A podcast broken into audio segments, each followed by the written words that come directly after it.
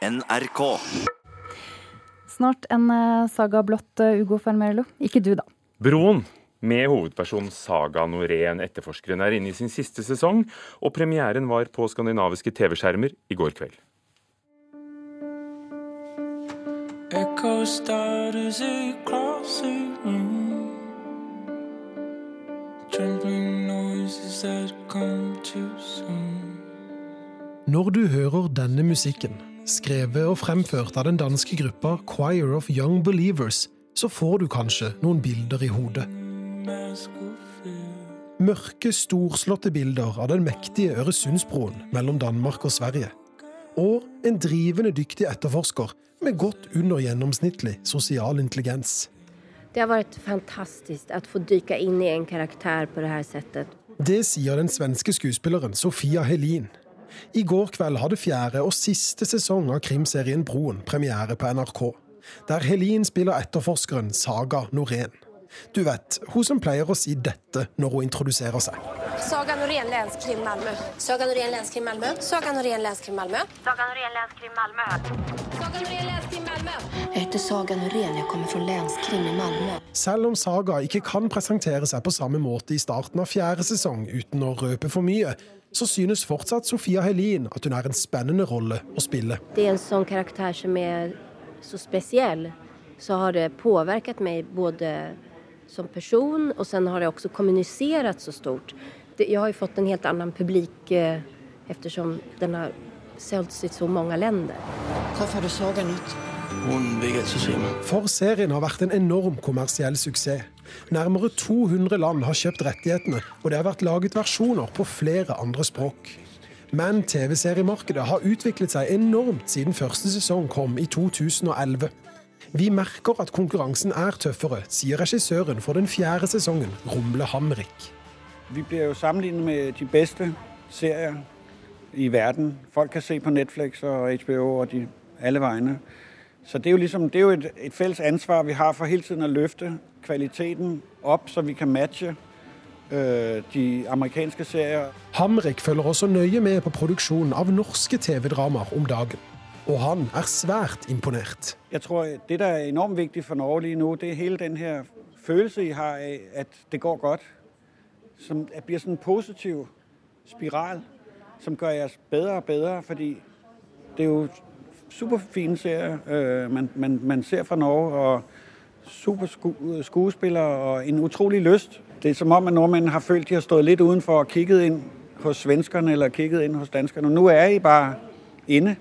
Nu er I i, i konkurrence med alle os andre, og I gør det super godt. Min mamma er. Den fjerde sesongen av Broen har fått varierte anmeldelser i norske aviser. Men uansett om du liker Broen eller ikke, etter denne sesongen er det garantert slutt. Eller som regissøren selv sier det, This is the end of the saga of saga. Regissør Romle Hammerik og reporter var Christian Ingebretsen, som traff både ham og Sofia Helin i København. Gjermund Stenberg Eriksen, manusforfatteren bak TV-serien Mammon. Andre sesongen vant jo internasjonal Emmy for bare noen måneder siden. Du så premieren på Broen i går. Hva syns du? Jeg syns det tegner seg til å bli en god avrunding. Ja. En verdig avrunding på eh, en serie som har hatt noen svinger. Eh, Jeg likte denne sesongåpningen her mye bedre enn eh, to og tre. Selv om tre var habil, altså. Og sett med dine manusforfatterøyne, hva er det som er hemmeligheten bak det? da? Men bak Broen sin suksess, eller? Ja, Og det at de fenger deg mer nå enn eh, Nei, det er jo at de drar i gang de personlige linjene eh, mye sterkere enn å dra i gang krimplottet. Og de vekter det som skjer med Saga og den danske detektiven, ganske tungt.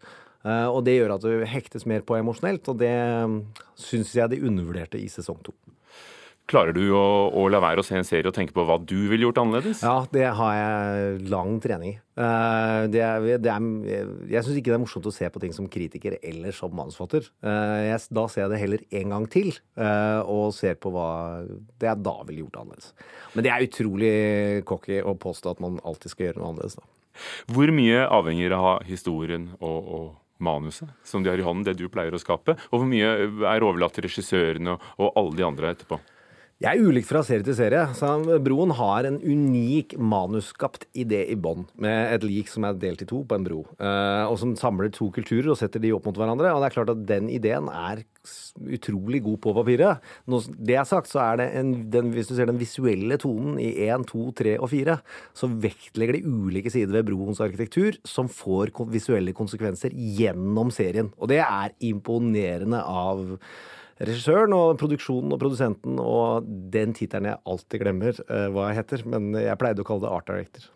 Og, og når du er sier arkitektur, da mener du faktisk arkitektur? Faktisk, altså hvordan broen er bygd? Ja, hvordan den er bygd, og hvilke lyspunkter du vektlegger, og hvilke deler av strukturen som du da finner igjen i senere serier.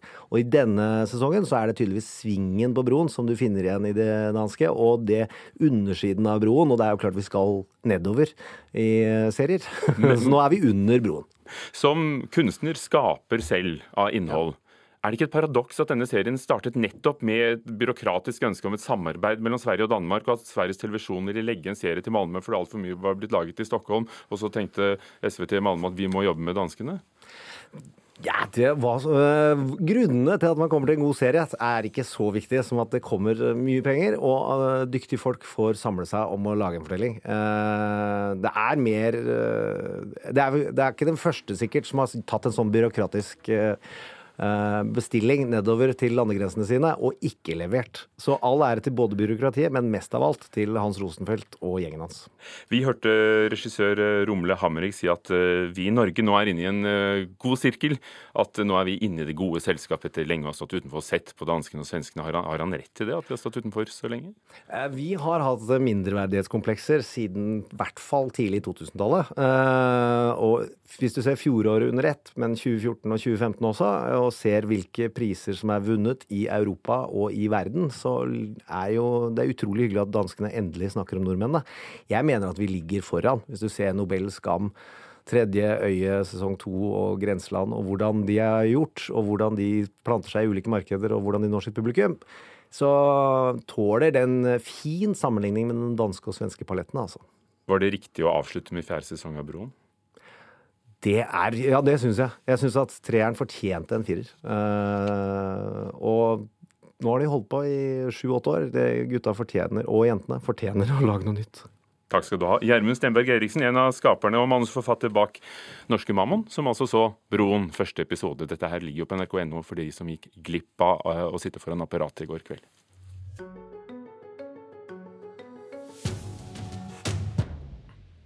Mye i høst har dreid seg om eh, seksuell trakassering og kampanjen på sosiale medier metoo. I USA har Det nasjonale rettssenteret for kvinner tatt initiativet til en ny kampanje som de kaller Times Up, tiden er ute. I går la de frem en handlingsplan for å bekjempe seksuell trakassering. Og kulturreporter Kristine Sterud, hva går den ut på? Kampanjen ønsker å ta knekken på seksuell trakassering, spesielt i film- og teaterbransjen.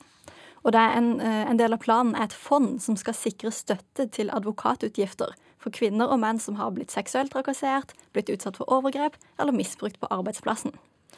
Og rundt eh, 300 skuespillere, regissører, skribenter og produsenter står bak dette initiativet, ifølge The New York Times. Og blant annet skuespilleren Emilia Clarke, som er fra Game of Thrones, eller skuespillere som Eva Longoria og America Ferrara, har òg vist sin støtte til dette prosjektet. Og hva gjør de? Altså Initiativtakerne oppfordrer kvinner til å kle seg i svarte klær når de går på den røde løperen, for å skape fokus på denne kampanjen. Og det har flere skuespillere sagt at de nå skal gjøre under Golden Globe-utdelinga som går av stabelen neste uke. Og så skal det handle om film og alt som kommer ut av det. Knerten polfarer. Akkurat sånn skal jeg bli. Da er ekspedisjonen i gang. Endelig! Fra Knerten. Én ting er filmene, men ut av alle disse filmene som Knerten og Elias og andre barne, barnefilmer og TV-serier, kommer det en serie produkter som er blitt en millionindustri. Men psykologiprofessor Willy, Tore Mørk sier til Dagbladet i dag at disse lekene kan skape et kjøpepress. Jo, han sier at det blir et eh, kjøpepress som foreldrene må forholde seg til. Eh, Så det er egentlig foreldre som da må forholde seg til kjøpepress når ungene har lyst på disse tingene. Men likevel så er han positiv til at, barn som, til at barn får leker av figurer som de har sett på film. Og det går bra. Ja, altså disse effektene fra filmene om bl.a. redningsskøyta Elias og filmene Knerten og filmen om Karsten og Petra De er omsatt for rundt 225 millioner kroner de siste årene, skriver da Dagbladet. Og da finnes det alt fra kosedyr og bøker fra disse filmene til plastfigurer av denne knertenpinnen. Men aller størst er Kaptein Sabeltann er mest sannsynlig størst. Han har solgt for 225 millioner kroner mellom 2003 og 2011. Takk skal du ha, Kristine Sterud, kulturreporter. I slutten av fjoråret døde den italienske journalisten Alessandro Leo Grande, bare 40 år gammel. I mellomtiden hadde han rukket å bli en forfatter som ble kjent langt utover Italias grenser med boken 'Grensa', som handler om flyktningstrømmen over Middelhavet. Og den er noe av det beste og sterkeste vår kritiker Knut Hoem leste i løpet av fjoråret. Vi kan gjerne rekonstruere alt som skjedde under forliset, sette opp regneskap over de døde og levende, fortelle historiene deres. Men det er hele tida noe som mangler, vi mangler konteksten, skriver Alessandro Leogrande i sin bok Grensa. Sentralt står fiskebåten som gikk ned utenfor Lampedusa den 3. oktober i 2013. Med dette forliset havnet flyktningkatastrofen på havet øverst i nyhetsbildet, noe som igjen utløste en rekke redningsaksjoner. Den italienske journalisten tar utgangspunkt i de dødes nasjonalitet.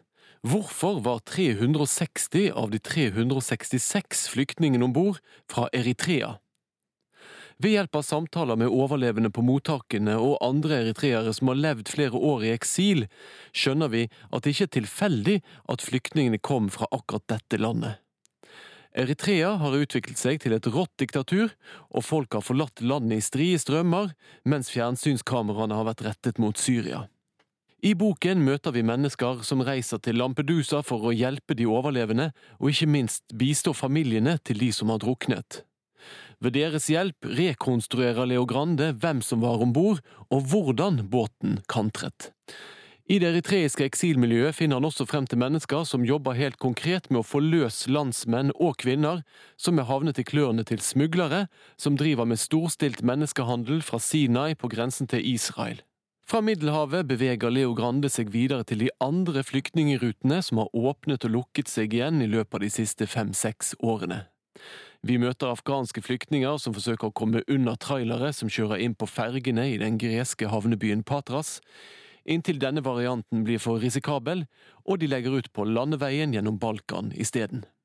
Men viktigst av alt i Leo Grandes fortelling er de svarene han forsøker å gi på hvordan Eritrea kunne bli det diktaturet landet framstår som i dag. Med tanke på at eritreere utgjør den desidert største flyktninggruppen som har fått asyl i Norge de siste årene, er dette også blitt en fortelling som angår oss direkte. Som journalist fra det landet som har havsgrense til Afrika, begynte Alessandro Leogrande tidlig å interessere seg for katastrofen som utspilte seg i farvannet utenfor Lampedusa. I oktober var han på besøk i Norge i forbindelse med at boken ble lansert på norsk. En drøy måned senere døde han av hjertesvikt, bare 40 år gammel. Det er sørgelig at Leo Grande ikke fikk mulighet til å følge opp dette viktige arbeidet. Men boken hans blir stående som noe av det sterkeste jeg har lest i år. Og nå er i år blitt til i fjor, og det var i 2017 Knut Hoem hadde dette som en av sine sterkeste, men grensa av Leo Alessandro Leo Grande, oversatt av Kristin Sørsdal, er nok aktuell også i 2018. Dette er Nyhetsmorgen. Du har hørt en podkast fra NRK P2.